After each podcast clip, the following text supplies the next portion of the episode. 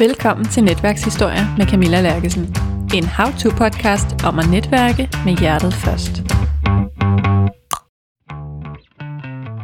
Karina Hekscher var faktisk en af de allerførste, jeg inviterede ind i Netværkshistorier.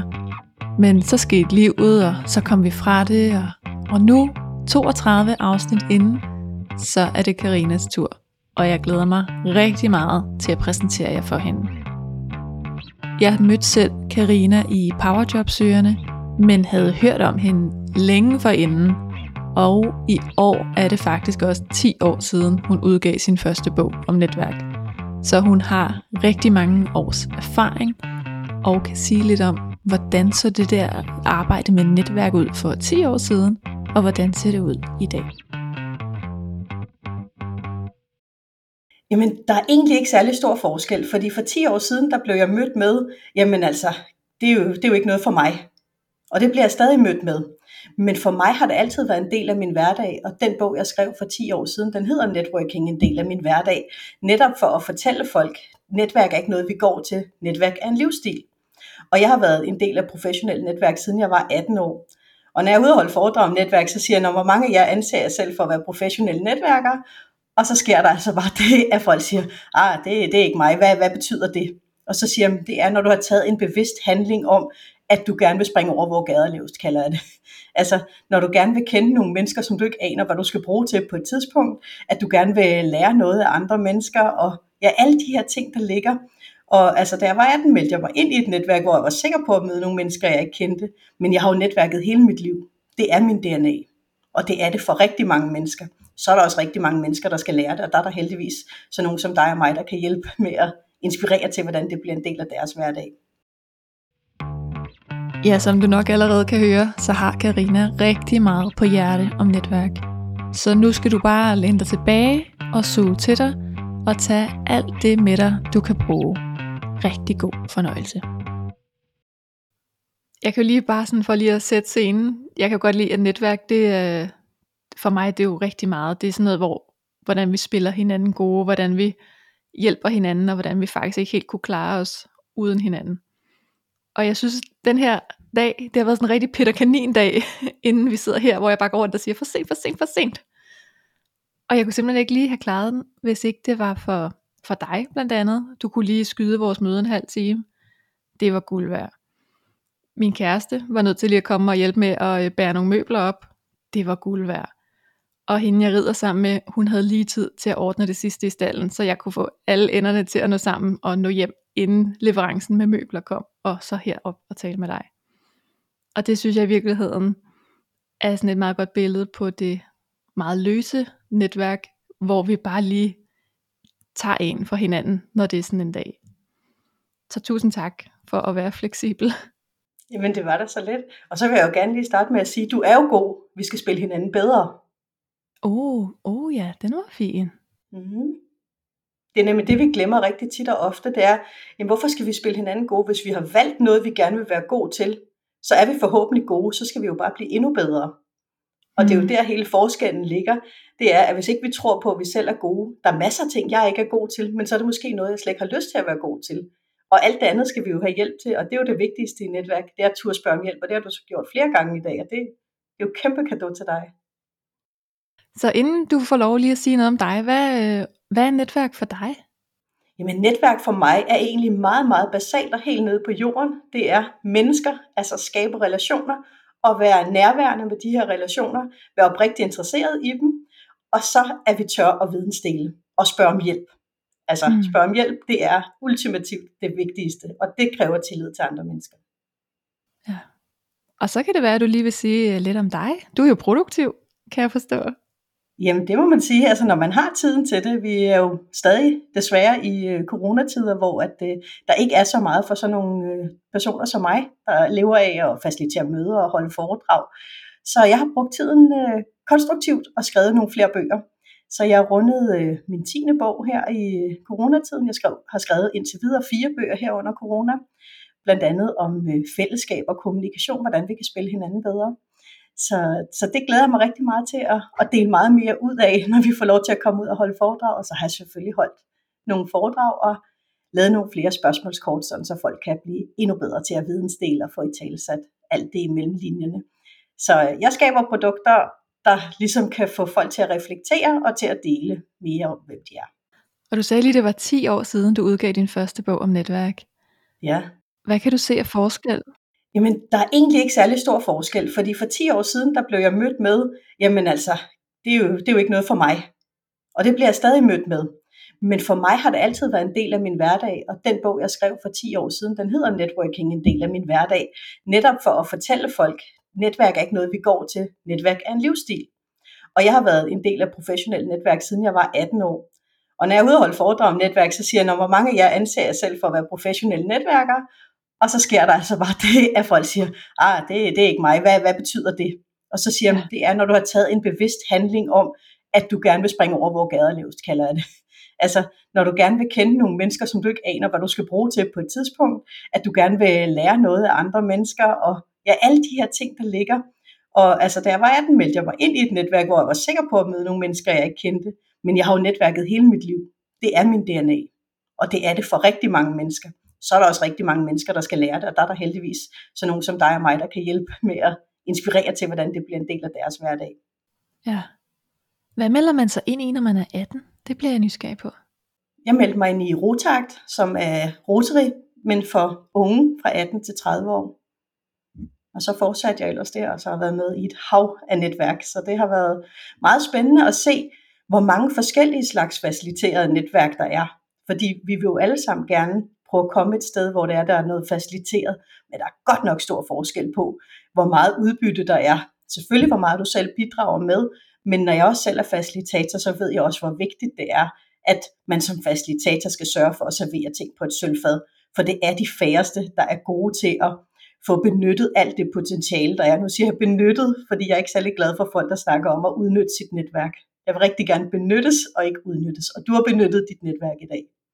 Ja, det må man sige. Fordi så gør det også, at hvis du har husket at sige tak til os alle tre, af dem du lige fik nævnt, jamen så gør det også, at vi har lyst til at gøre noget for dig en anden gang. Ja, og jeg tænker også, øh, det kan være, at vi skal komme lidt ekstra ind på det her med de gode netværk og den gode facilitering. Men, men jeg, jeg er stadig nødt til lige at spørge ind, allerede der som 18-årig, hvad var det, du havde set et behov for? Hvad var det, du gerne ville? Vidste du allerede på forhånd noget om, hvad du ville opnå med det? Jamen, jeg vidste, hvad jeg ville opnå, fordi jeg var startet i lære som reklamefotograf, og det vil sige, at du har en hel dag, altså hele min hverdag gik med at tale foto og alt omkring fotoverden. Og det er ret vildt, når det er, at man er 17 år, og alting bare øh, ja, bliver noget andet end at gå i skole med alle mulige forskellige slags mennesker. Og så havde jeg en veninde, som øh, havde præcis samme udfordring. Hun ville også gerne møde alle mulige mennesker, og begge vores fædre var en del af Rotary, eller Rotary alt efter, hvor øh, man siger det. Og, og så blev vi enige om, at så melder vi os altså ind her. Og det var jo også det der med et, at lære nye mennesker at kende, to, at høre foredrag med noget, som overhovedet ikke sagde os noget, og noget, der var mega inspirerende. Altså det der med at få så bred en viden, hvor du ikke aner, om du skal bruge det til noget på et eller andet tidspunkt. Og det er det, jeg synes, der er fascinerende. Og så når man er ung og med et ungdomsnetværk, så handler det selvfølgelig også om at, at, at netværke på den private del, altså feste og alle de her ting, der ligger i det. Så det gør man selvfølgelig også som voksen, men der er bare noget andet i ungdomsnetværk. Ja, okay. Så det var egentlig, ja, fest og farver og en masse læring og en masse mennesker. Altså det har jo været fantastisk at følge de her mennesker, fra vi har været 18, og så til at se, hvor de er henne i dag. Altså nogle sidder jo som direktører, og nogle er buschauffører. Altså det er hele spektret af mennesker, der bare har været nysgerrige på livet og på andre. Ja, og det er jo faktisk det fede ved den type netværk, at man ikke mødes på studiet, og alle laver det samme, men, men at man mødes om noget helt andet. Og det er jo også det, der er i mange netværk, altså hvis det er det er en, blad, en bred skare, i stedet for at det kun er sælgere, der mødes, eller kun marketingfolk, eller et eller andet. Jeg kan godt lide den der brede diversitet. Jeg har også været med kun i kvindenetværk. Jeg er sågar også med i et kun mandenetværk og mig. Og det er fordi, jeg kan godt lide det der drengerøvsnået også. Så jeg kan godt lide at prøve af og, og blive testet på forskellige måder. Og det der med, at når vi netværker, når vi siger ordet, jeg skal ud og netværke, jamen så bliver det så formelt. Jeg elsker, når ting bliver uformelle, når det er, at vi bare kan være os og bare hygge os, og så på den måde lære hinanden at kende. Fordi jeg vil jo lære dig bedre at kende ved, at vi går en tur i skoven, eller vi skal spille paintball, eller et eller andet, fordi så er fokus noget andet. Og det er også derfor, at jeg synes, det er så sjovt, at der er så mange sådan et, jamen jeg får ikke noget ud af, hvad er det her netværk? Nej, nej, men hvad har du budt ind med? Det, og det er også derfor, jeg elsker at lave de her spørgsmålskort, der gør forskellen, fordi man kan få folk til at tale om alt muligt andet. Og de kort, der har været vigtigst for mig, er faktisk, hvor der bare står et ord, hvor du siger, hvad er det første, du tænker på ved ordet passion for eksempel? Jamen, så er du nødt til en til vupti finde en historie, og på den måde lærer jeg dig at kende fra en anden vinkel, og så skal jeg nok lære dig at kende fra det, du arbejder med.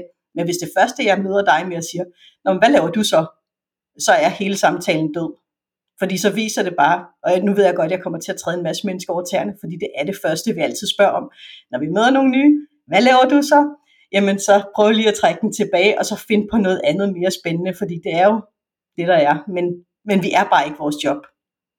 Mm. Altså nu har jeg været foredragsholder og forfatter og sådan noget. Jeg ser stadig ikke mig selv som ordet forfatter. Jeg ved godt, jeg har udgivet 10 bøger og sidder og skriver fire mere, men for mig handler det ikke om en prestige titel. Det handler om, at det gør det lettere for mig, og det gør det lettere for andre at forstå, hvad det er, jeg mener, når jeg simplificerer tingene. Ja. Men så kan der være nogen, hvis jeg møder nogen, og de siger, Nå, hvad laver du så? Jeg er forfatter. Okay, du er med kedelig. Okay, du får dig så, ej, mega spændende, ej, så møder du helt vildt mange spændende mennesker og så konfrontier, og så må det være svært at udtale efternavnene, det snakkede vi også lige om, inden vi gik på, ikke? altså jeg har et efternavn med fem konsonanter, øh, så det der med, hvordan er det egentlig, vi opfatter en titel, og det kan jeg jo se på bare de tre titler, hvordan mm. jeg bliver opfattet som menneske. Ja, det er faktisk rigtigt. Så hvad er din titel, Camilla? ja, min titel, jamen jeg ved det heller ikke. Jeg bliver også helt, øh, helt bleg, når folk de spørger mig, fordi jeg er jo alt muligt. Altså jeg lavede øh, med den sidste bog, eller næst sidste er det jo så nu, i januar måned, der udkom med Fællesskab, der spiller hinanden bedre, jamen der lavede jeg min titel om til fællesskabsspecialist. Fordi det er jo egentlig det, der rammer, uanset om jeg holder foredrag om netværk, eller om arbejdsglæde, eller om kommunikation, så er det jo bare fællesskabet af, at vi skal skabe stærkere relationer, der tør spille hinanden videre. Ja, så hvis du skal sige lidt mere om sammenhæng mellem fællesskab og netværk, hvordan lyder det så? Jamen altså, hvis jeg skal gå helt tilbage fra jeg var 18 år, så handlede det jo netop om at skabe det her fællesskab. Vi kom hver 14. dag, og så var der fest, sikkert også hver 14. dag, øh, hvis ikke hver uge. Så det var jo et, et fællesskab, man skaber der. Vi kan jo ikke leve uden fællesskab. Vi har jo fællesskab med så mange forskellige mennesker. Så har vi, øh, jeg sad lige og skrev med en af mine tidligere kollegaer, og fandt ud af, at det var 25 år siden, jeg var startet i lærer.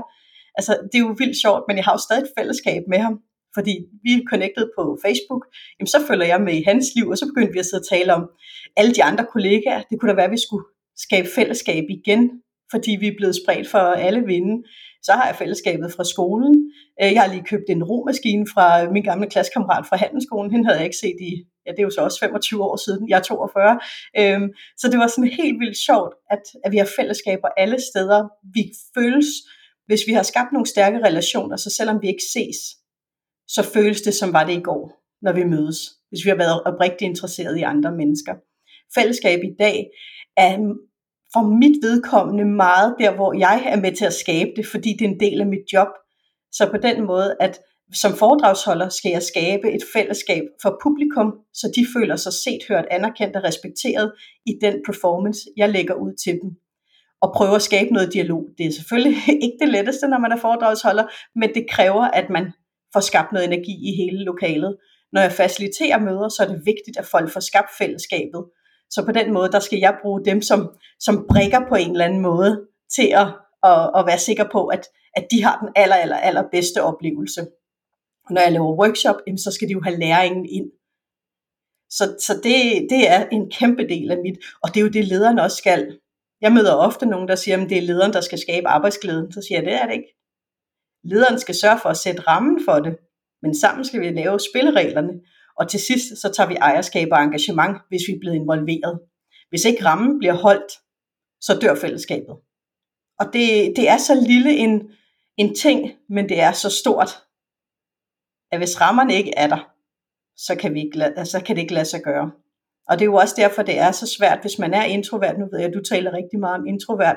Og øh, da jeg var, var barn, der var jeg meget genert, og i mit virke nu, så bliver jeg sat i bås af, at jeg er ekstremt ekstrovert, og som netværker er ekstremt ekstrovert, men jeg er faktisk ambivert. Og hele coronatiden har faktisk gjort, at jeg går tættere på introvert. Men jeg sidder der stadig som, som den der hest i, i boksen inden galopløbet, der bare, nu skal jeg ud. Men jeg kan også godt mærke, at min adfærd er blevet anderledes. Så det handler om at finde ud af, hvordan skal jeg, hvordan skal du være i fællesskabet med vores eget udgangspunkt? Hvad er en succesoplevelse? Og jeg kan godt mærke, at jeg skal sætte succeskriterier, når jeg skal på marken igen, ud og se alle de her mennesker til netværk, til receptioner osv., hvad der bliver åbnet op for. Fordi vi skal finde ud af, hvordan har vi det bedst selv i fællesskabet, uanset om det er, når vi går på arbejde, til et lille møde, altså bare dig og mig, eller til en mindre gruppe, større gruppe. Og succeskriterier kan jo bare være, jeg har deltaget. Yes, så er jeg, så er jeg frisk. Så har jeg været der. En anden kan være, jeg har bare mødt én person. Men hvis ikke vi sætter succeskriterier op, når vi skal ud og skabe relationer og skabe fællesskab, så dør vi. Fordi så slår vi os selv i hovedet for, hvorfor det ikke har været godt. Ja, fordi så kan man jo blive ved. Jamen lige præcis. Og jeg har trænet sindssygt mange introverte i et netværk, fordi vi møder ret mange. Selv direktører har jeg trænet, fordi de kommer med en titel, og så puster de sig jo op. Uh, sådan her, jeg er direktør for det her, eller jeg er topleder, eller jeg er leder, og det her det er min titel, og du skal bare tale med mig, fordi jeg er det her. Men som menneske, der er de ekstremt introverte. Det samme gælder mm. skuespillere. Altså, så det her med at huske på, at vi skal faktisk iscenesætte os selv og sætte succeskriterier op for at være en del af et fællesskab. Det er i hvert fald det, jeg synes er, det bedste at arbejde med. Og nu glæder jeg mig til faktisk at have taget en turnaround og tænkt rigtig meget igennem for mit eget vedkommende, og så se, hvordan det egentlig bliver her efter corona, når vi får lov igen. Ja, jamen lige præcis. Og du har jo også skrevet en bog om at turde være sig selv. Så ja. øhm, nu havde jeg faktisk Torben Lorentzen på i sidste uge i Netværkshistorie, der også fortalt om at turde have sin personlighed med ind, når man netværker. Kan du mm. øh, give nogle gode råd til, hvordan kan man netop få sig selv med? Altså for mig har det altid været en milepæl at være mig selv. Altså jeg har aldrig kunne være andre. Og det er nok det der med, at at jeg bare, jeg kan godt lide at være mig, og jeg har aldrig tænkt over det. Øh, som fotograf, der, som jeg er uddannet øh, tilbage i 2000, jamen, der var det jo det vigtigste for mig, det var at få dig til at være stolt. Fordi størstedelen af alle de mennesker, der kom ind for at få taget et billede af mig, eller som kom ind til mig for at få taget et billede, de sagde, at jeg havde at få taget billeder. Og når man siger det, så handler det virkelig meget om, at jeg skal være menneskekender og få folk til at være trygge. Og i og med, at jeg altid selv har været tryg, selvom jeg ikke bryder mig om at få taget billeder, jamen så har jeg jo lært det nu, fordi nu er det en del af mit arbejde at lave billeder og videoer og så videre. Men der, så var det jo at træne folk i stoltheden. Og hvis ikke du er stolt af dig selv, hvis du taler dig selv ned, siger, at de andre kan ikke lide mig, jeg har bare aldrig tænkt over, om folk kunne lide mig eller ej. Jeg har gjort det, som jeg havde lyst til, både godt og skidt, vil mange sige. Men det er bare faldet naturligt. Så derfor, når det er, at, at vi skal kigge på, hvordan tør vi være os selv, jamen så er det at finde ud af, jamen, hvordan kan jeg bedst lide mig selv? Hvis jeg udstråler det, hvis jeg tør at træde i karakter som det, jamen så opfatter andre mig jo også som det, forhåbentlig. Men hvis jeg opførte mig på en anden måde, så opfattede de mig på en anden måde. Man ved jo aldrig. Jeg aner jo ikke, hvad du sidder og tænker om mig lige nu. Og som jeg siger på min foredrag, prøv at høre her, hvis 90% af alle øh, godt kan lide mig, og 10% ikke kan, skal jeg fokusere på de 10%, eller skal jeg få, øh, hvad hedder det, fokusere på de 90%? Jamen så vælger jeg jo selvfølgelig de 90%. Jeg kan jo ikke sige, om der sidder 10%, der synes, jeg er gakkelak. Men jeg ved, at der er mange, der har kommet bagefter og sagt, hold nu op, mand, der er jo sindssyg en energi, og jeg blev væltet helt bagover, og der var, og i og over, og sådan noget. Men størstedelen af tingene, der har det været, er du sindssyg en power. Det der, det kan jeg bruge. Din indhold har været. Så der er også nogen, der gerne vil have, at man har noget andet tøj på, eller et eller andet. Men hvis vi har det på, vi godt kan lide, hvis vi har den makeup på, vi godt kan lide, hvis vi har sat håret, som vi godt kan lide, så styrker det os selv. Og det ved man jo. Hvis man tager noget på, man ikke føler sig tilpas i, så kan man lige så godt skifte for du får en dårlig dag. Du kommer til at tænke på hele tiden, om kjolen sidder irriterende, eller om håret er mega belastende, eller ja, nu taler jeg lige kvindesprog, undskyld kære mm. mand, øh, men jeg ved også, der er nogle mænd, der har det på samme måde. Så det der med at finde ind til ens egen kerne i, hvordan har vi det bedst, uanset om vi skal på arbejde, eller om vi skal, øh, hvad hedder det, til netværksmøde, eller hvad det nu er. Og, og det kan jeg også sige, fordi at det handler om mindsetet. Og det gjorde det også for mig, fordi for 10 år siden, der havde jeg sceneskræk, og det stod absolut ikke i korten, at jeg skulle skifte branche. Altså en fotograf bag kameraet for at gøre andre stolte og glade, det er én ting. Men at skrive bøger, når man aldrig har afleveret en stil i folkeskolen, og man ikke bryder sig om at stå på en scene og være i fokus, det er en anden ting. Og, øh, og så havde jeg også lige eksamensskræk, og jeg tog rigtig mange eksamener. Jeg har også uddannet mig inden for grafisk design og så videre, branding og mm. markedsføring og alt muligt. Og så besluttede jeg mig simpelthen for, at det nyttede ikke noget, når jeg tog alle de her eksamener på Mediehøjskolen, at jeg så fik klappen ned. Så der besluttede jeg mig simpelthen for, okay, hvornår har jeg det godt? Jeg har været selvstændig siden 2004. Og det var det der med, at når jeg skal ind og præsentere noget for kunderne, så er jeg jo selvsikker, jeg er stolt. Jeg kommer ind og siger, se hvad jeg har lavet for jer. Prøv at, det er virkelig godt det her. Så har jeg jo mig selv med og, og præsentere det. Men når jeg skulle til eksamen, fordi det hed eksamen, sagde det bare klik. Og så besluttede jeg mig for, at når jeg går ind til den næste eksamen, så giver jeg hånden til sensor og lærer, og så ser jeg det som, at det er mine kunder. Og det gjorde jeg. Og siden den dag har jeg ikke haft eksamensskræk. Og det er jo det her med, hvordan kan vi indstille mindsetet på, tør vi være os? Og jeg var jo stolt af min opgave. Altså for Søren, jeg havde brugt masser af tid på den, og jeg kunne ja. lide læreren, og sensoren var, var heller ikke uh, slem. Var det det samme med sceneskræk? Altså det her, når man har senskræk, hvorfor vælger man så at blive foredragsholder? Jamen det var egentlig fordi, at jeg var begyndt at undervise i øh, nogle softwareprogrammer til det grafiske, i InDesign og Photoshop. Og øh, her, der skulle man jo også undervise og, og finde nogle andre måder at gøre det på. Og så først tog jeg en kursus i at blive underviser igennem Journalistforbundet som min, min fagforening. Og bagefter så øh, så jeg, at der var en fra mit netværk, der udbød et kursus i at blive foredragsholder. Og så tænkte jeg, jamen altså, det minder jo meget om, øh, om det at undervise, så kan jeg få en anden vinkel på det. Og så kom jeg på det her kursus, og så skulle vi forberede os, og så tænkte jeg, okay, hvad skal jeg tale om? Og på det tidspunkt, altså, der var netværk jo en kæmpe del af mit liv, og øh, hvad hedder det, og jeg arbejdede meget med branding og markedsføring. Jeg var iværksætter, og så havde jeg skabt et koncept, der hed Mulighedernes Univers. Og øh, da vi så skulle præsentere et foredrag, så tænkte jeg, okay, hvad skal jeg gøre? Altså, hvad er det letteste for mig?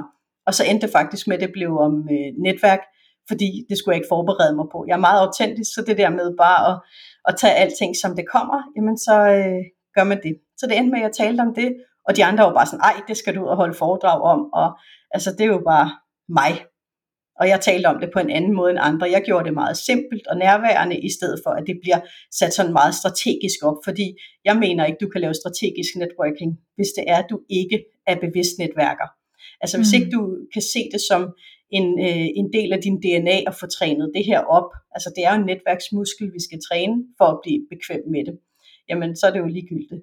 Så alle mine øh, kollegaer, de taler om strategisk netværk, og sådan og sådan skal du gøre. Men altså sidder du som introvert, sidder du som generet, sidder du som øh, en, som ikke rigtig bryder dig om det, så kan du ikke gå ud og lave strategisk netværk, før du har din egen person med. Så det øh, endte med det.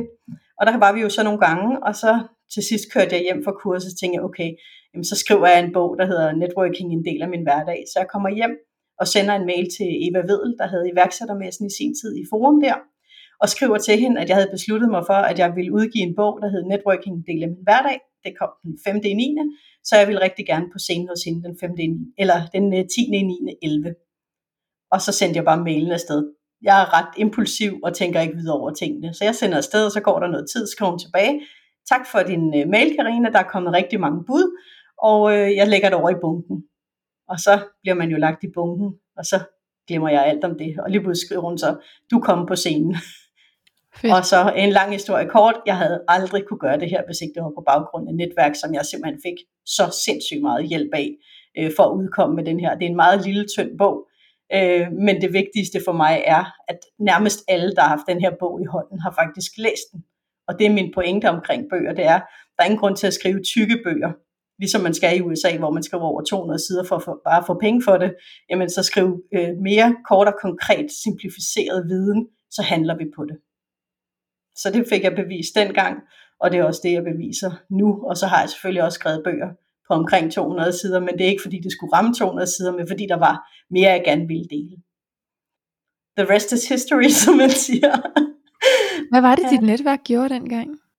Jamen, de hjalp mig med at få den renskrevet, de hjalp mig med at få struktureret den, de hjalp mig med at få lidt korrektur, og for at jeg ikke selv layoutede den for netop at få netværk ind over, jamen så fik jeg også en, der lige havde lavet firma med at være bogdesigner til at layout den, og så fik jeg en masse udtalelser med i den, og ja, selvfølgelig også lavet forsidefotoet af mig selv, det var det mest grænseoverskridende, når man kommer derfra og, og har fået alle andre til at være stolte af sit billede til lige pludselig selv at, at skulle være på forsiden. Altså, jeg kan godt forstå, når jeg møder folk i dag, som har drømmen om at lave en bog og komme på forsiden. Altså, jeg kan jo mærke det der, de har.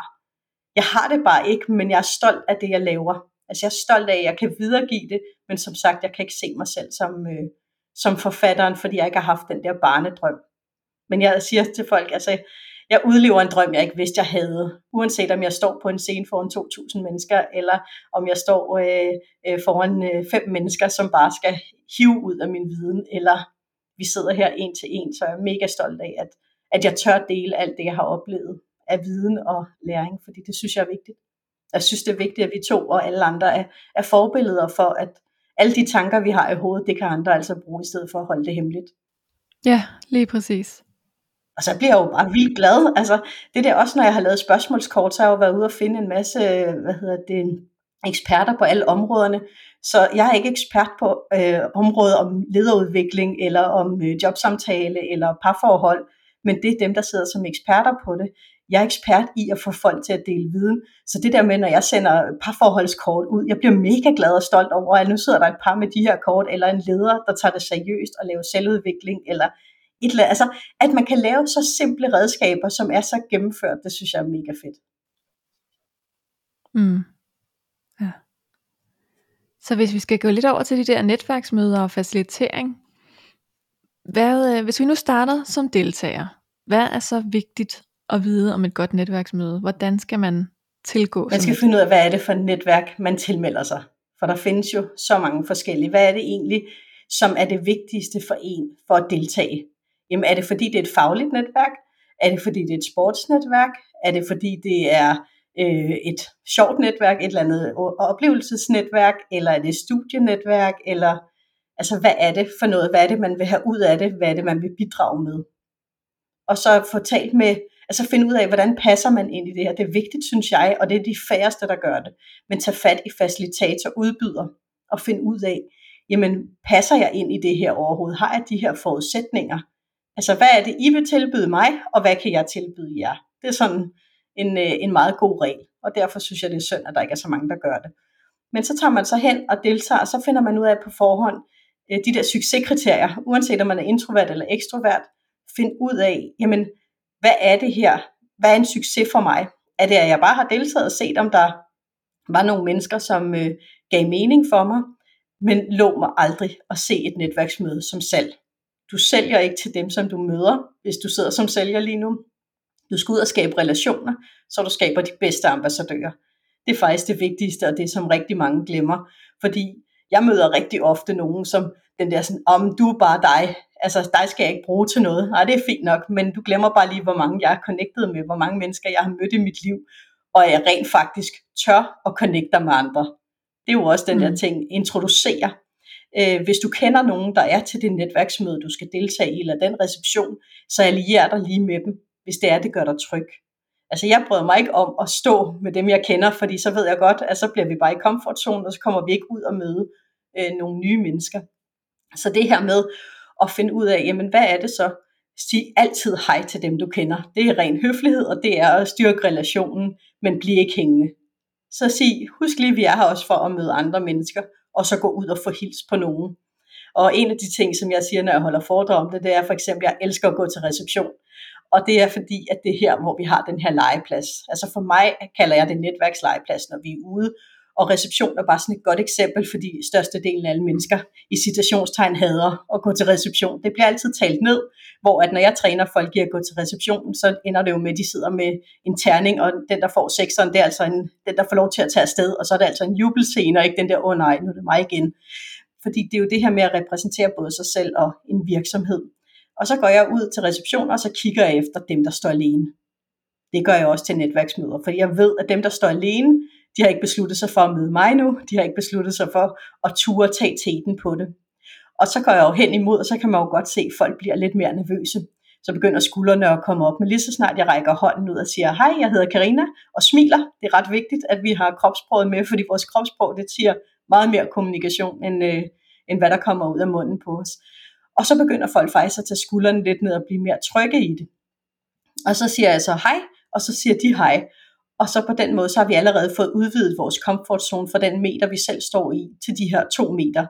Og så er det jo her, at størstedelen af alle de spørger, og hvad laver du så? Men øh, en god ting er, at hvis vi er til reception, så kan man jo spørge, hvordan er din øh, relation til det her? Eller hvis du er til et netværksmøde, er det første gang, du er her, eller er du medlem? Eller, altså prøv at gøre det mere interessant for den begivenhed, man er til, end til hvad du laver. Det skal vi nok finde ud af på et tidspunkt, hvad det er, folk laver. Men øh, det er simpelthen øh, en af de gode ting. Og så finder vi en, som vi har sindssygt god kemi med. Der er mig, vi står sammen, og en, tog vupti, så er der gået tre timer, vi har talt, og vi har haft en fest. Vi glemte bare, at vores succeskriterie var, at vi skulle møde tre.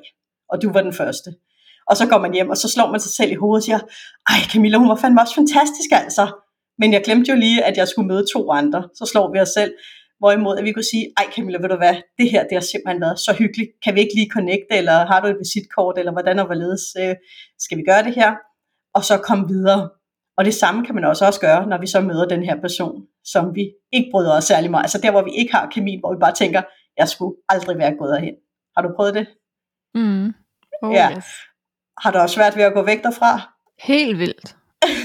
Og her kommer tricket. Man bruger bare det samme og siger, ved du hvad, vi er her jo faktisk for at møde andre mennesker, så det var simpelthen så hyggeligt at møde dig. Så vi ses måske, når vi øh, går rundt igen senere. Tak for i dag. Og på den måde, så har du ikke uh, trådt nogen over tæerne, men du har faktisk været nærværende i relationen, og, og også sagt til de andre, husk at møde nogle andre. Ja. Så på den måde, så er det faktisk et meget uh, lille sjovt trick, og på den måde kan man få en netværksfest. Er du nogensinde kommet til et kaffemøde med sådan en, hvor du tænkte, yikes, der er bare ikke kemi her? Ja. For sådan sværere, ikke? Der kan man ikke sige, noget, men øh, jeg skal også men, møde men, andre. Men der handler det igen om at sætte agendaen, og det glemmer vi rigtig ofte, også når vi laver one-to-one møder. I mange netværk, så er der jo den her ting med, husk nu at lige lave et one-to-one møde, så vi lærer hinanden bedre at kende. Men der laver de aldrig en agenda. Ikke aldrig. Rigtig ofte bliver der ikke lavet en agenda. Og det vil sige, at hvis du kommer til et one-to-one møde med mig, og vi bare sidder der, og vi er to introverte mennesker, som ikke rigtig ved, hvor vi skal starte hen. Nu er det lige sat op i, i karikeret firkant, det skal man ikke lige se på den måde.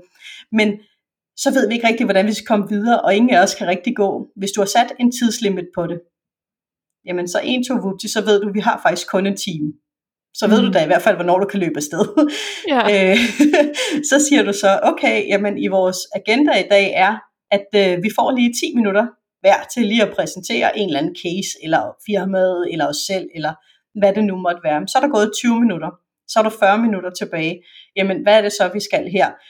Har vi fået et eller andet dilemma, vi skal tale om, for eksempel, som øh, det netværk, vi er en del af, har gjort? Øh, det er jo sådan noget, man ville få af mig, hvis jeg var facilitator for eksempel, fordi jeg synes, det er vigtigt, at man netop serverer ting på et sølvfad for andre mennesker, fordi vi ikke rigtig ved, hvor vi skal hen, også for at have et sammenligningsgrundlag og et fællesskab, selvom vi ikke er i samme lokale. Jamen, så har man et eller andet, man kan debattere der, og så er timen gået. Og så er der fri leg til at sige, ved du hvad, så er klokken også et. Nu, øh, nu bliver jeg simpelthen nødt til at gå, for jeg skal videre til næste møde. Ja. Men jeg ved godt, at der er tid, der kan gå mega langsomt, og tid, der kan gå mega hurtigt. Så alt forberedelse er jo det, der er det vigtige. Selvom jeg elsker autenticitet selv, jamen så er vi også nødt til at forberede os. Ja, fordi det, det er det værste ved netværk. Det er virkelig det, der dræner mig. Det er der, hvor jeg er kommet sted med en, hvor jeg kan mærke, altså, vi har ikke kemi. Og den mm. der plan, vi skulle gennemgå for at se, om der er et potentielt samarbejde, det brugte jeg fem minutter på at vurdere, det er der ikke. Og så er de sidste 55 minutter, de er altså lange. og det er jo en af de ting, der har været sjov nu her under corona, hvad det er, vi har lært. Og det er jo rigtig faktisk det her omkring tid og netværksmøder, eller generelt møder. Fordi i dag, så, eller i før i tiden, så satte vi jo en time af til et møde, og så var det fra kl. 10 til kl. 11. Og når klokken var 11, så havde vi enten ikke nået agendaen, eller også øh, så var vi ikke lige færdige. Men her, når vi er online, jamen, så kan det godt være 20 minutter, fordi vi er mere konkrete, vi går lige til, ind, øh, ind til benet med det samme. Så det er jo nogle af de her ting, vi skal finde ud af, hvordan kan vi egentlig tage det med ind i vores hverdag, uanset om vi er sammen med andre. Er det uhøfligt at sige, Nå, ved du hvad, der er kun gået 40 minutter, men vi har jo faktisk været rundt om det hele, skal vi så ikke bare break? Men det handler igen om stoltheden, og det er derfor, jeg elsker at sammenligne mit tidligere erhverv med mit nuværende erhverv, fordi det er de samme mekanismer. Stoltheden over os selv, altså at vores værdier er opfyldt, så tør jeg også godt sige til dig, Camilla, ved du hvad? Jamen det kan godt være, du sagde, at den her podcast, den skulle vare x antal minutter, men vi er jo færdige nu. Altså i stedet for bare at, at sidde og køre mølle, det, det er det jo ikke nogen gavn. Og det kan jo også være, at den anden tænker, ej, jeg magter ikke mere, men jeg ved heller ikke, hvordan jeg skal sige det, og det er jo det, det er. Altså, og i talsæt alt imellem linjerne, det er jo øh, mit stærkeste kort. Det er, at jeg prøver at gøre alt, hvad jeg kan for at få andre til det. Fordi det er så gigasvært. Vi venter hele tiden på, hvornår det rigtige tidspunkt. Og jeg kan godt afsløre, det kommer aldrig. Mm. Der er aldrig et rigtigt tidspunkt. Kun når du er nærværende, autentisk, når du tør være dig, så er det det rigtige tidspunkt. Jeg tror også, der er noget med transporttiden i forhold til det mm. der, du mm. siger med, at det er nemmere online. Fordi hvis vi ligesom har aftalt at mødes et sted ude i byen, så føles det lynhurtigt som spild, hvis man efter et kvarter siger, Nå, men, øhm, det var dejligt at møde dig, og hyggeligt lige at få hilst. Ja. Yeah. Fordi så har man også brugt, altså brugt den andens tid på det der transport. Men det er jo også det, der bliver spændende at se, hvordan kommer vores fremtid egentlig til at være omkring møder. Altså om det er så one-to-one møde, om det er samarbejdsmøde, om det er netværksmøder. Altså der er mange, som ikke har valgt at være med på netværksmøder online, fordi de synes ikke, det er nærværende, de synes ikke, de bliver set og hørt. Og det handler jo igen om, om hele det her omkring mødekultur. Altså mm. hvordan er kulturen? Når du kommer ind til det her netværksmøde, det er også derfor, jeg siger, ring nu til facilitator, ring til udbyder. Fordi så ved I, hvordan det er. Og det kommer jo igen an på, hvem er det, der er. Øhm, du har garanteret også tidligere været i, i job, hvor du har haft en god leder, og nogle gange, hvor du har haft en mindre god leder. Mm. Og øh, nu har jeg arbejdet meget med jobsøger, det har du også. Og vi har jo hørt historier rigtig, rigtig meget omkring lorteleder. Men jeg blev, eller jeg sagde op på grund af lorteleder. Ikke? Altså den her med, jamen, kan vi egentlig selv, øh, jeg arbejder meget med feedback også, jamen tør vi egentlig at give folk den her ærlige feedback? Fordi det handler om at spille hinanden bedre. Jeg skal ikke kritisere dig og sige, Camilla, du er en idiot. Jeg skal sige, prøv nu at høre her, jeg kan mærke, der er et eller andet her, eller der er whatever, hvordan folk nu vil gøre det. Og vi skal ture og være med til at spille hinanden bedre, også i den. Også i et netværk. Øh, jeg var med i et netværk, som jeg meldte mig ud af, fordi jeg havde prøvet rigtig, rigtig meget at få det til at blive mere relationsbaseret, at vi lærte mere af hinanden, at vi vidensdelte noget mere, men det var bare ikke det netværket ville hen imod.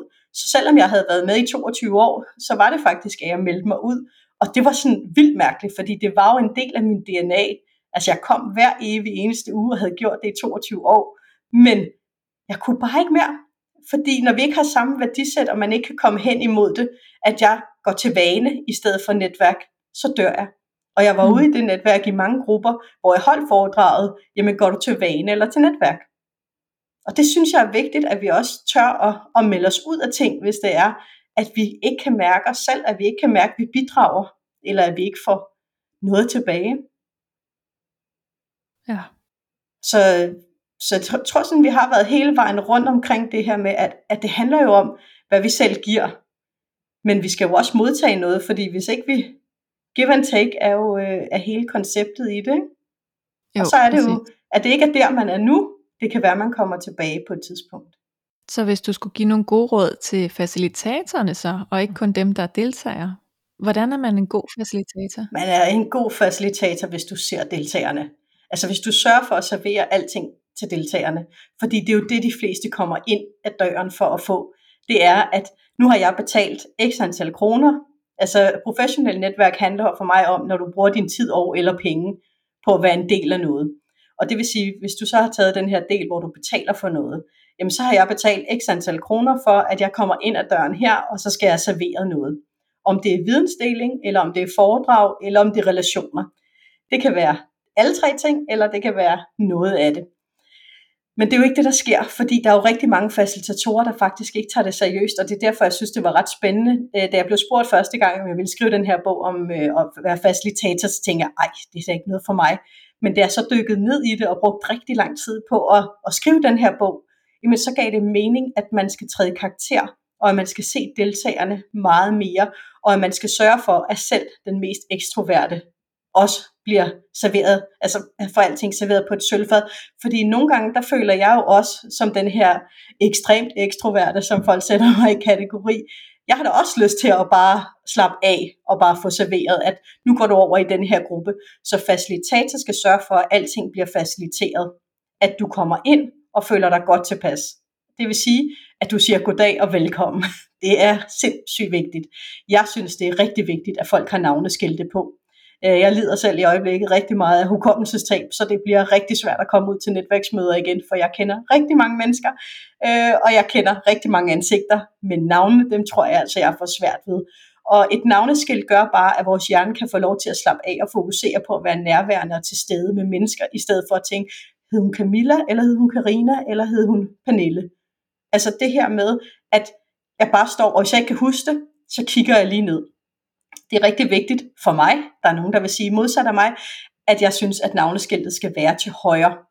Altså på højre side af, øh, hvad hedder det, af brystet, fordi at det er læseretningen, og rigtig ofte dem, der har reklame på, har reklame på venstre side. Så derfor giver det rigtig god mening, at det er den måde, vi står og kigger på hinanden. Der er mange, der siger venstre side, men det får du aldrig mig til at sige. Så navneskilt højre side gør, at vi bliver trygge i situationen.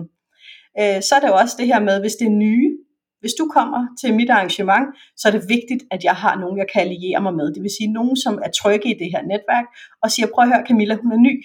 Kan du ikke lige tage hånd om hende og lige få hende til at hilse på nogen? Det jeg selv har gjort til nogle arrangementer, jeg har holdt, det er, at jeg skriver en mail før, hvor jeg siger, at alle må tale med alle. Det vil sige, at du allerede på forhånd ved, at vi har en åben og ærlig dialog, når vi kommer ind ad døren, og folk ved dig. Mm. Og det vil sige, at når du kommer ind, så gentager jeg den sætning fra din mail og siger, prøv at høre Camilla, alle kender spillereglerne her, du går bare rundt og siger hej. De tager godt imod dig. Fordi så ved alle, at sådan er vi altså bare her. Og så når man går rundt, så føler man sig sgu set. Og man føler, ej, gud, hvor er det, hvor er det fantastisk. Ej, her, her kan jeg faktisk godt lide at være, fordi de fleste oplever at møde en mur, fordi vi ikke rigtig ved, hvem vi kan tage. Og man skal jo ikke øh, kæmpe sig af, at dem, der har været lang tid i et netværk eller på en arbejdsplads, øh, de har dannet de såkaldte klikker. Dem, der er i klikken, tænker måske ikke over det, men det gør du, når du kommer udefra. Og jeg var facilitator på et tidspunkt i et netværk, og da jeg kom ind, så begyndte jeg at tage snak med alle deltagerne, for lige at høre, om de havde nogen, jeg skulle være ekstra opmærksom på, for netop ikke at have det her. Og der blev jo nævnt nogle af de der klikker, og fordi jeg er så inkarneret netværker, så tænkte jeg jo ikke over det, for jeg træder bare ind med træsko og bare siger, hey, jeg er Karina. Men det kunne jeg jo godt se, at det var ikke sådan, andre blev mødt. Så det der med som facilitator at være opmærksom på, hvem kan godt være lidt et skræmmescenarie. Hvem kan godt være lidt for højrystet, vil nogen kalde det, når man kommer ind. Dem tør vi ikke tale med. Eller hvad det nu måtte være. Ikke? Så for mig handler det om at, at gøre, at alle er ligeværdige, uanset titel. Om du er direktør, eller om du øh, er pigoline, fuldstændig ligegyldigt, vi er mennesker, og mennesker skal have det godt. Så det synes jeg er vigtigt for en facilitator. Så er det selvfølgelig, at, øh, at man holder tiden. Hvis jeg har sagt, at mødet er fra kl. 10 til kl. 12, så der åbner dørene kvart i 10, og dørene lukker kl. 09.59. Øh, og det er fordi, at du skal have respekt for dine deltagere skal have respekt for dem, der kommer, ikke dem, der kommer for sent. Øh, når jeg holder møder, når jeg er facilitator, så siger jeg gerne, altså hvis det er workshops og sådan noget, jamen så er der ikke nogen, der kommer ind efter der. Fordi det er igen have respekten for, at vi alle sammen er der til tiden. For der er ikke noget værre, end at vi er gået i gang med et eller andet, og så kommer der nogen, der ødelægger stemningen. Øh, det er det samme med, at øh, når det er, at telefonen lige ringer, så tager det, hvad hedder det, op til 25 minutter, 23, et eller andet minut, at komme tilbage i fællesskabet igen. Og det vil sige, at hvis vi lige er kommet i gang med netværksmødet, den er 7 minutter over, og så kommer der en, og det er en af de der mennesker, der larmer os, øh, så er hele fokuset rådet. Så jeg kan rigtig godt lide, at folk ved, at det er altså respekten. Selvfølgelig kan der være sket et eller andet, men er det en ting, der er noget, alle folk gør, så begynder det også at spejle på andre. Åh, men han kom også for sent to minutter sidste gang, og han kom 10 minutter, så kan jeg også godt. Og den stemning må man bare ikke få. Altså det er så dødstømt for et fællesskab, at der begynder at gå de der. Så hellere være skarp på, øh, på rammen. Og så øh, ja, få serveret agendaen, så alle folk ved, hvornår og hvordan og hvorledes. Og så indholdet. Jamen også igen være skarp. Har du en indlægsholder, så nytter det ikke noget. Hvis indlægsholder har fået 20 minutter, så nytter det ikke noget, de får 40 sådan er det bare. Det, øh, jeg var ikke tidsfascist, før jeg blev øh, konfronteret, men der var jeg i den grad tidsfascist, fordi der er det mig, der afhænger af. Øh, og jeg har virkelig oplevet nogen, som bare er mega ligeglade af mine øh, foredragskollegaer, og det synes jeg bare ikke er respektfuldt, fordi det er hverken godt for fællesskabet, eller for stemningen, eller for deltagerne, eller dem, der har en tidsplan. Og så er det mega uprofessionelt ikke at kunne sit materiale, men det kan vi jo tale om på et andet tidspunkt. Øhm, og så det der med at få afrundet et møde, eller få faciliteret i grupper. Altså sørg for, at man undervejs bliver faciliteret i grupper, så man ved, hvad man skal tale om. Fordi hvis du bare ryger ud i en gruppe og siger, I kan bare tale om et eller andet, så sidder de og bruger halvdelen af tiden på at tænke, Nå, men øh, hvad har du så lyst til at tale om? Hvad skal vi tale om nu? Sørg for kort og konkret øh, handlingsorienteret på andres vegne. Fordi så har vi en retning, og vi har et mål, og vi har et succeskriterie. Og når vi så skal afslutte, så lige få afrundet, fordi hvis der er noget, vi er gode til, så er der at løbe ud af døren, så skal vi videre til det næste. Så hvis ikke du afrunder og siger, hvad er det vigtigste, du tager med hjem i dag, og det synes jeg er vigtigt for mig, også når jeg er færdig med det her med dig, jamen sige, hvad var det vigtigste, jeg tog med hjem fra at have optaget den her podcast med Camilla? Hvad var det vigtigste for mig for at have deltaget i det her arrangement? Hvad var det vigtigste for mig? Øh, bare på den opgave, jeg har siddet og lavet. Fordi vi er så hurtigt videre, så vi bliver bare aldrig nærværende i det, som, øh, som vi var i. Og så kan man få sat ord på, det vil sige, at din deltager går ud af lokalet og har reflekteret over, at det vigtigste for mig var i dag, at vi alle sammen var klar. Vi fik noget inspiration, vi fik talt om nogle dilemmaer, og nu er vi klar til næste gang. Det vil sige, du får skabt den her synergi, der hedder FOMO, Fear of Missing Out. Det er den største udfordring, rigtig, rigtig mange netværk har at møde ting. Det er, vi er bange, vi skal være bange for at miste at være deltagende. For der er mange, der kæmper med, at folk ikke deltager, de ved ikke hvorfor. Så er det fordi, det ikke har været interessant nok, vigtigt nok. Og derfor, hvis vi vil skabe et godt netværk, jeg skrev en bog om værdinetværk for nogle år siden, og, øh, og der handler det jo om, at det skal være vigtigt nok, og der skal være skabt den her linje, fordi så ved jeg, at du prioriterer hver gang, at du er med i det netværk, vi to vi skaber med nogle andre, fordi vi vil vidensdele om netværk for eksempel. Så skal det ikke være, når du kigger i din kalender og siger, Nå, det kan godt, hvad vi aftaler hver mandag fra 10 til 11, der har vi et Zoom-møde, og ah, jeg kan sgu godt lige tage det der møde med en anden. Jeg behøver ikke være med den her gang. Hvis du begynder at få den tanke, jeg behøver ikke at være med, så vil du lige så godt lade være. For så har du allerede tjekket ud af fællesskabet. Fordi så sidder jeg og tænker, okay, hvorfor er Camilla her ikke i dag? Jeg savner hende. Og Camilla, hun er faktisk rimelig ligeglad med at være en del af det. Mm. Så derfor, hvis man begynder at få den der tanke om, jamen jeg kan lige så godt tage et andet møde, så er det ikke vigtigt nok. Og så er vi ikke oprigtigt interesseret i hinanden. Så på den måde, så synes jeg, at, at man får tegnet den her sløjfe, og jeg, altså, det er lettere sagt end gjort, fordi vi er så mange personligheder, vi er så mange persontyper, der kan komme så mange ting i vejen, men hvis udgangspunktet er, at vi vil skabe et værdinetværk, hvor vi gerne vil oprigtigt hinanden og viden, og hvad der nu end ligger i vores retningslinjer for lige præcis det her netværk eller det her møde, så skal det nok være vigtigt nok, og så prioriterer vi det. Og hvordan øh, jeg er meget nysgerrig i øjeblikket på sådan noget med grænser, altså fordi nogle gange, så kan jeg også, fordi jeg jo også er sådan en netværksnørd, så kan jeg simpelthen bruge så meget tid og energi på at tale med andre om mit arbejde, i stedet for at arbejde og lave mm. mit arbejde. Jamen nogle gange så giver det dig jo energi til rent faktisk at få lavet dit arbejde. Altså lige nu, der sidder jeg jo og nørder vildt meget med de her fire bøger, som er efterfølgende, eller sådan sammenslutningen til den fællesskab og kommunikation. Så sidder jeg med fire andre emner inden for det samme, med effektivitet, vidensdeling, øh, samarbejde og øh, arbejdsglæde. Og, og det der med, sådan, nogle gange så skal jeg jo også have input fra andre, fordi man bare sidder og nørder så meget. Og så gør det jo mit liv lettere, når jeg lige har vendt noget med dig, så har jeg måske fået en anden idé. Så på den måde, altså hvis vi tager det ind til, jamen hvad kan du så bruge det videre? Men jeg kender alt til det. Altså, jeg har om nogen holdt rigtig mange one-to-one og øh, netværksting og alt muligt andet. Men, men vi skal se det givende i det, fordi vi har jo valgt at prioritere tiden. Ellers siger vi jo nej. Det kunne jeg forestille mig, at du også er god til at sige nej. Øh, hvis du har den introverte side, så skal du jo bruge øh, energien på en speciel måde, og, og det skal passe til dig. Så det her med at sige, okay, jamen nu tager jeg, jeg havde på et tidspunkt, hvor jeg sagde, okay, jeg må kun lave to inspirations one-to-one om ugen, for ellers så vidste jeg, så gik det helt galt. Fordi min udfordring er, at hver gang jeg taler med et andet menneske, så bliver jeg mega inspireret, og så får jeg lyst til at lave en million andre ting. Mm. Og det nytter jo heller ikke noget. Så det her med at tillade sig, altså sætte det i bokseramme på en eller anden måde, fordi det har vi jo brug for. Altså det er også derfor, at jeg har kontor hjemme. Jeg kan simpelthen ikke sidde i et kontorfællesskab. Et, fordi jeg møder så mange mennesker i min hverdag normalt. To, jeg vil aldrig få lavet noget. For hvis jeg sidder Nej. i et kontorfællesskab, lige så snart jeg går ud af min dør, og de færreste sidder jo desværre bag egen dør, så de sidder i et stort åbent rum. ingen arbejde til Karina. Jeg vil simpelthen ikke kunne. Jeg bliver forstyrret. Jeg er så lydsensitiv, som noget kan være, så jeg vil slet ikke kunne rumme det. Og så, øh, hvad hedder det, hver gang jeg så ville kigge op, så ville der gå en eller anden forbi, og så ville jeg tænke, gud, jeg skal lige tale med ham. Eller, nå nej, hende der, hun der har. Og så ville jeg bare spørge om hjælp konstant. Altså, ej, har du ikke lige en holdning til det? Jeg vil aldrig forlade mig. Så der bliver jeg huleboer og lukker mig ind i min egen lille kuppel. Ja, Jamen jeg har nemlig, og det er jo præcis det der, du siger med, at det tager øh, x antal minutter at komme tilbage fra en forstyrrelse. Mm. Så hvis jeg har de der øh, møder i løbet af dagen, hvor når, så skal jeg lige ringe til den på det tidspunkt, så skal jeg lige tale med den på det tidspunkt, så skal jeg lige slutte og gå en tur med dem. Jeg kommer aldrig i flow. Altså jeg skal simpelthen samle det på en dag og sige, det her, det er en dag, hvor jeg taler med mennesker, og ellers så vil jeg bare have nogle dage, hvor jeg ikke bliver forstyrret.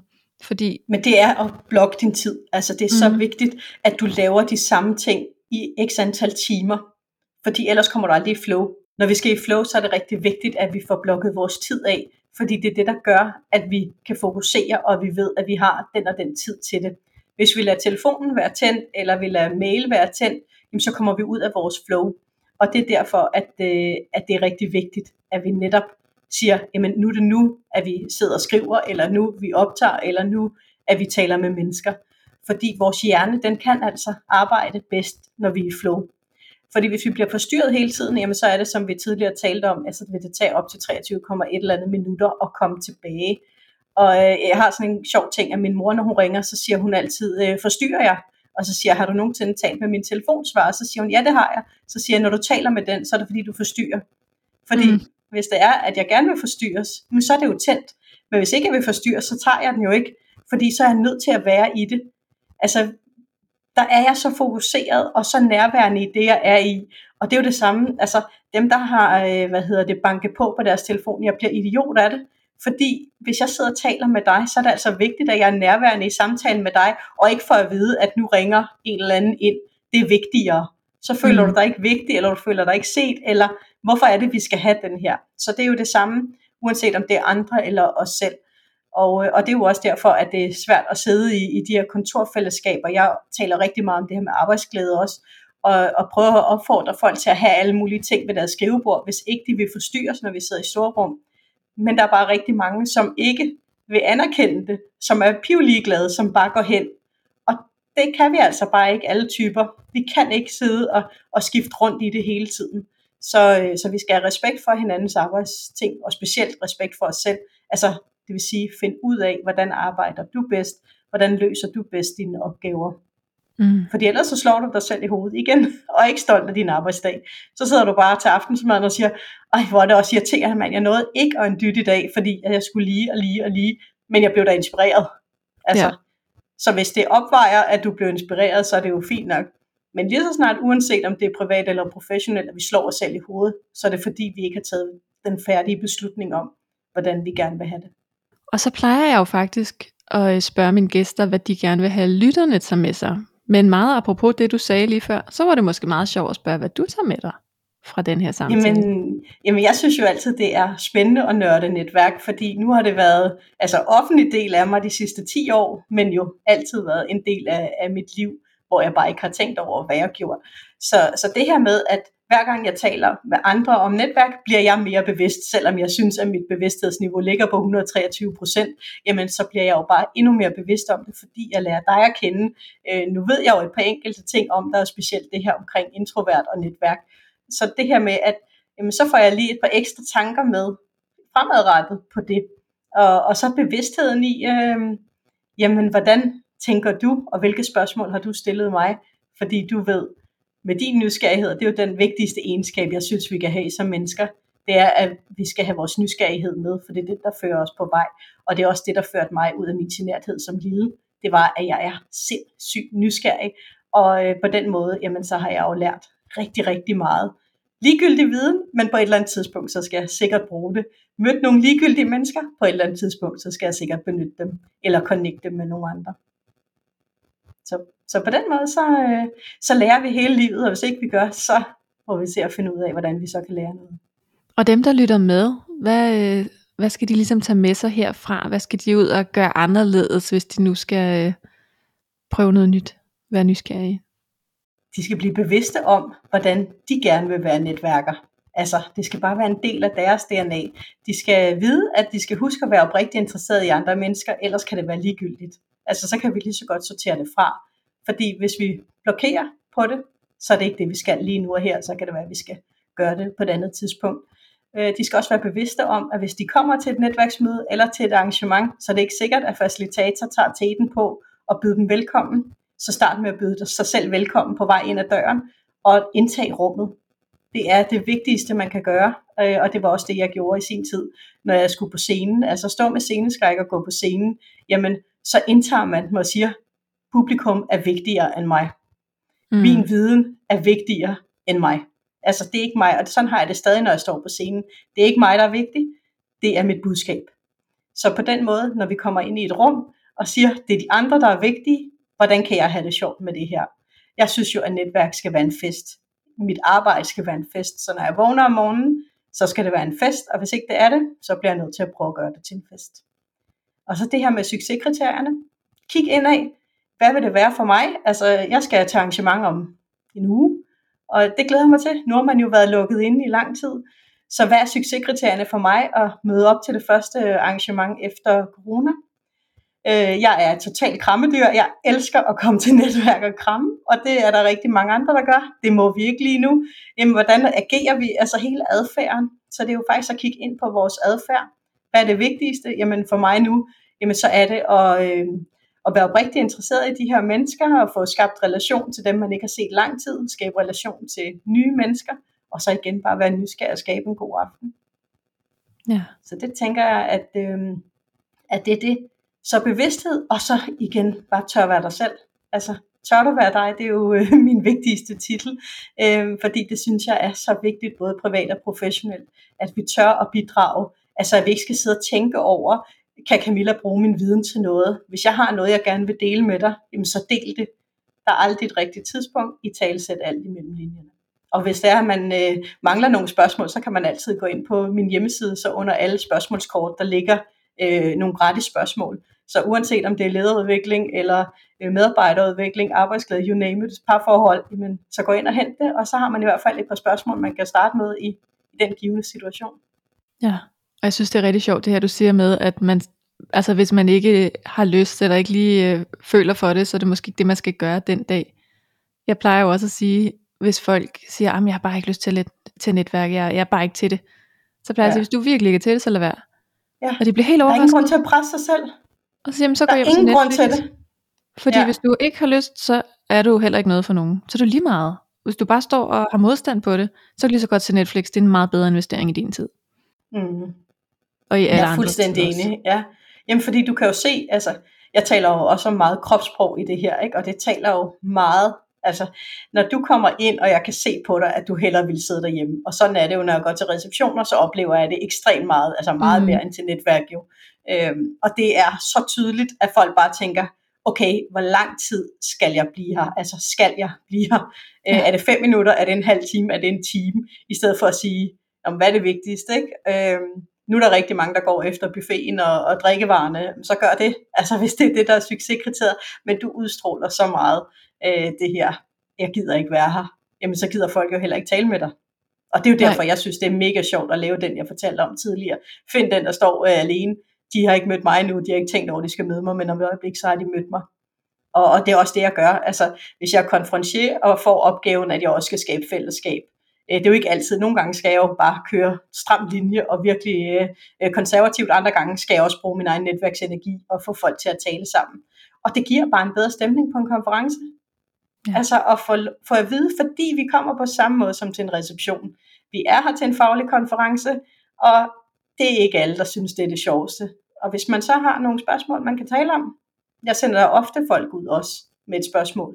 Igen, fordi vi kan lige så godt servere ting på et sølvfad. Da jeg skrev en bog, der hed 10 års jubilæum øh, til iværksættere, der skrev jeg blandt andet, undertitlen var serveret på et sølvfad. Altså mine erfaringer, 123 erfaringer serveret på et sølvfad. Fordi man kan lige så godt gøre det kort og konkret simplificeret. Her er der en guideline. Det er det, vi gerne vil have, når vi ikke selv overgår at tage initiativet. Jeg er også flad, flad jeg kan ikke engang sige det, jeg er også flad på energi en gang imellem, og jeg trænger også til, at andre serverer alting på et sølvfad for mig. Vi kan ikke være lige energiske. Selvom jeg tit og ofte bliver spurgt, om jeg er den kvindelige udgave af Ole Henriksen, så skrev jeg en af de andre bøger, han er den mandlige udgave af mig. Han er tillært positiv og energisk. Så på den måde, så øh, bruger jeg meget energi på at holde min energi nede. Ja. Og nu er vi jo ved at være, øh, være ved slutningen. Ja, det har været så bare... hyggeligt at være med og inspirerende. Det har været så hyggeligt. Ja. Det er jeg rigtig glad for, at du havde lyst Men til. hvad, hvad tager du med? Altså, hvis man skulle øh, sende spørgsmål tilbage til dig, så er jeg sikker på, at lytterne også gerne vil høre, hvad er det vigtigste, du tager med fra den her podcast? Jamen, jeg tager med, at noget af det, jeg synes har været rigtig inspirerende ved at tale med dig, det er, at vi er enige i så mange ting. Altså faktisk mange af de ting, som jeg tænker om, det, det er noget, jeg sådan har gået og lært, at det er sådan, det fungerer bedst. Og så hører jeg fra dig, om det er også det, der fungerer bedst for dig. Og alligevel, så er der så mange ting, vi gør vidt forskellige, og prioriterer vidt forskellige, og får vores energi vidt forskellige fra. Og det synes jeg bare er så skægt, ikke? at man egentlig kan have de samme værdier, men udlevet på helt forskellige måder. Og det er jo det, der er så fantastisk ved mennesker, og det er derfor, vi skal huske på, jeg arbejder meget med, med en, der hedder Karin Krog, som taler om disktyperne, de fire forskellige persontyper. Mm. Og der skal vi jo tale, når vi taler til andre mennesker, skal vi tale på en måde, men det er fire forskellige typer, der skal forstå det. Nemlig. Og de skal udleve det på forskellige måder. Det er derfor, det er så fedt med samspil, både i netværk og i, på arbejdspladserne. At vi netop husker alle de forskellige typer, at vi fortæller det på en måde, men det bliver opfattet på fire forskellige måder, udledet på fire forskellige måder, men vi skal komme til det samme resultat. Ja. Derfor skal alting serveret på sølvfad, så alle har det godt. Præcis.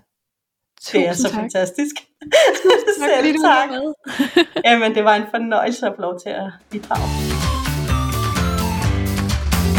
Tusind tak, fordi du lyttede med, og øh, bliv lige hængende et øjeblik nu.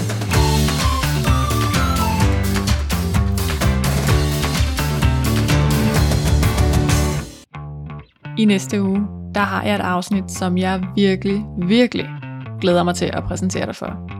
Det er et afsnit med Lars AP, ham der har startet hele fucking Flink-bølgen. Og øh, hvis ikke du kender den, så prøv lige at tjekke Facebook-siden fucking Flink ud. Fordi det er altså også et sted med netværksspirit, der vil noget. Vi har en lang samtale om at møde nye mennesker, om at være åben, om at øh, netværke på en fucking flink måde.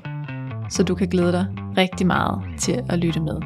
Og prøv lige at høre bare et lille uddrag af vores samtale her. Så ved du, hvad du kan glæde dig til. Det, er, det er jo interessant, det du siger, at du lige kigger rundt på flokken, fordi det er jo netop, du, du, du, du besigtiger jo i virkeligheden lige det vand, du er i. Hvad er det for noget vand, vi svømmer i lige nu? Hvad, hvad, altså sådan, og, og øh, vil det være, netop, er, det, er det underligt det her? Altså, ham her, som er totalt chatty her, er han, er han virkelig en underlig fisk? Øh, og, og skal jeg derfor også sådan ligesom øh, øh, vende mig lidt væk? Eller, eller er det i virkeligheden en kærkommen mulighed for sådan, okay, wow, han er, han er, han er super åben ham her, jamen øh, ham skal jeg da snakke med, det kunne, det kunne gå hen og blive det kunne blive altså et, et, et lille eventyr. Who knows, hvad der kunne, hvad der kunne komme ud af at snakke med ham. Øhm, men, men, men, det, men der er vi enormt, altså der, jeg, jeg plejer også gerne at sammenligne det med, at, at øh, langt de fleste mennesker, som har været, som, som har været ude at rejse, altså været, for den skyld bare været sydpå øh, på, på, på en ferie, oplever jo, at der er en anden måde at være med hinanden på. Øh, og det er ikke, fordi den er bedre, den er bare anderledes. Men, men, men der er nogle ting, det, det, det, det er jo sådan, så, så er der et eller andet på den der sydfranske café, som har været, ej, hold kæft, det var hyggeligt, og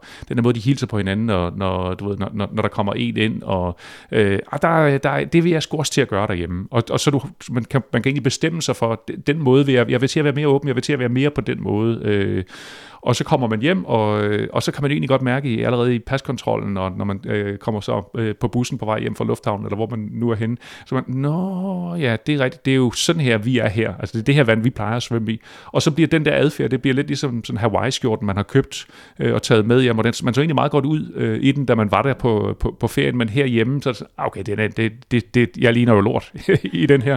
Og så ender den sådan allerbagerst øh, inde, inde i, øh, øh, i skabet, vi lyttes ved i næste uge til endnu et afsnit af Netværkshistorier. I mellemtiden så er du meget, meget velkommen til at sende enten Karina eller mig en besked med, hvad du har lært, som du måske ikke vidste før, du lyttede med.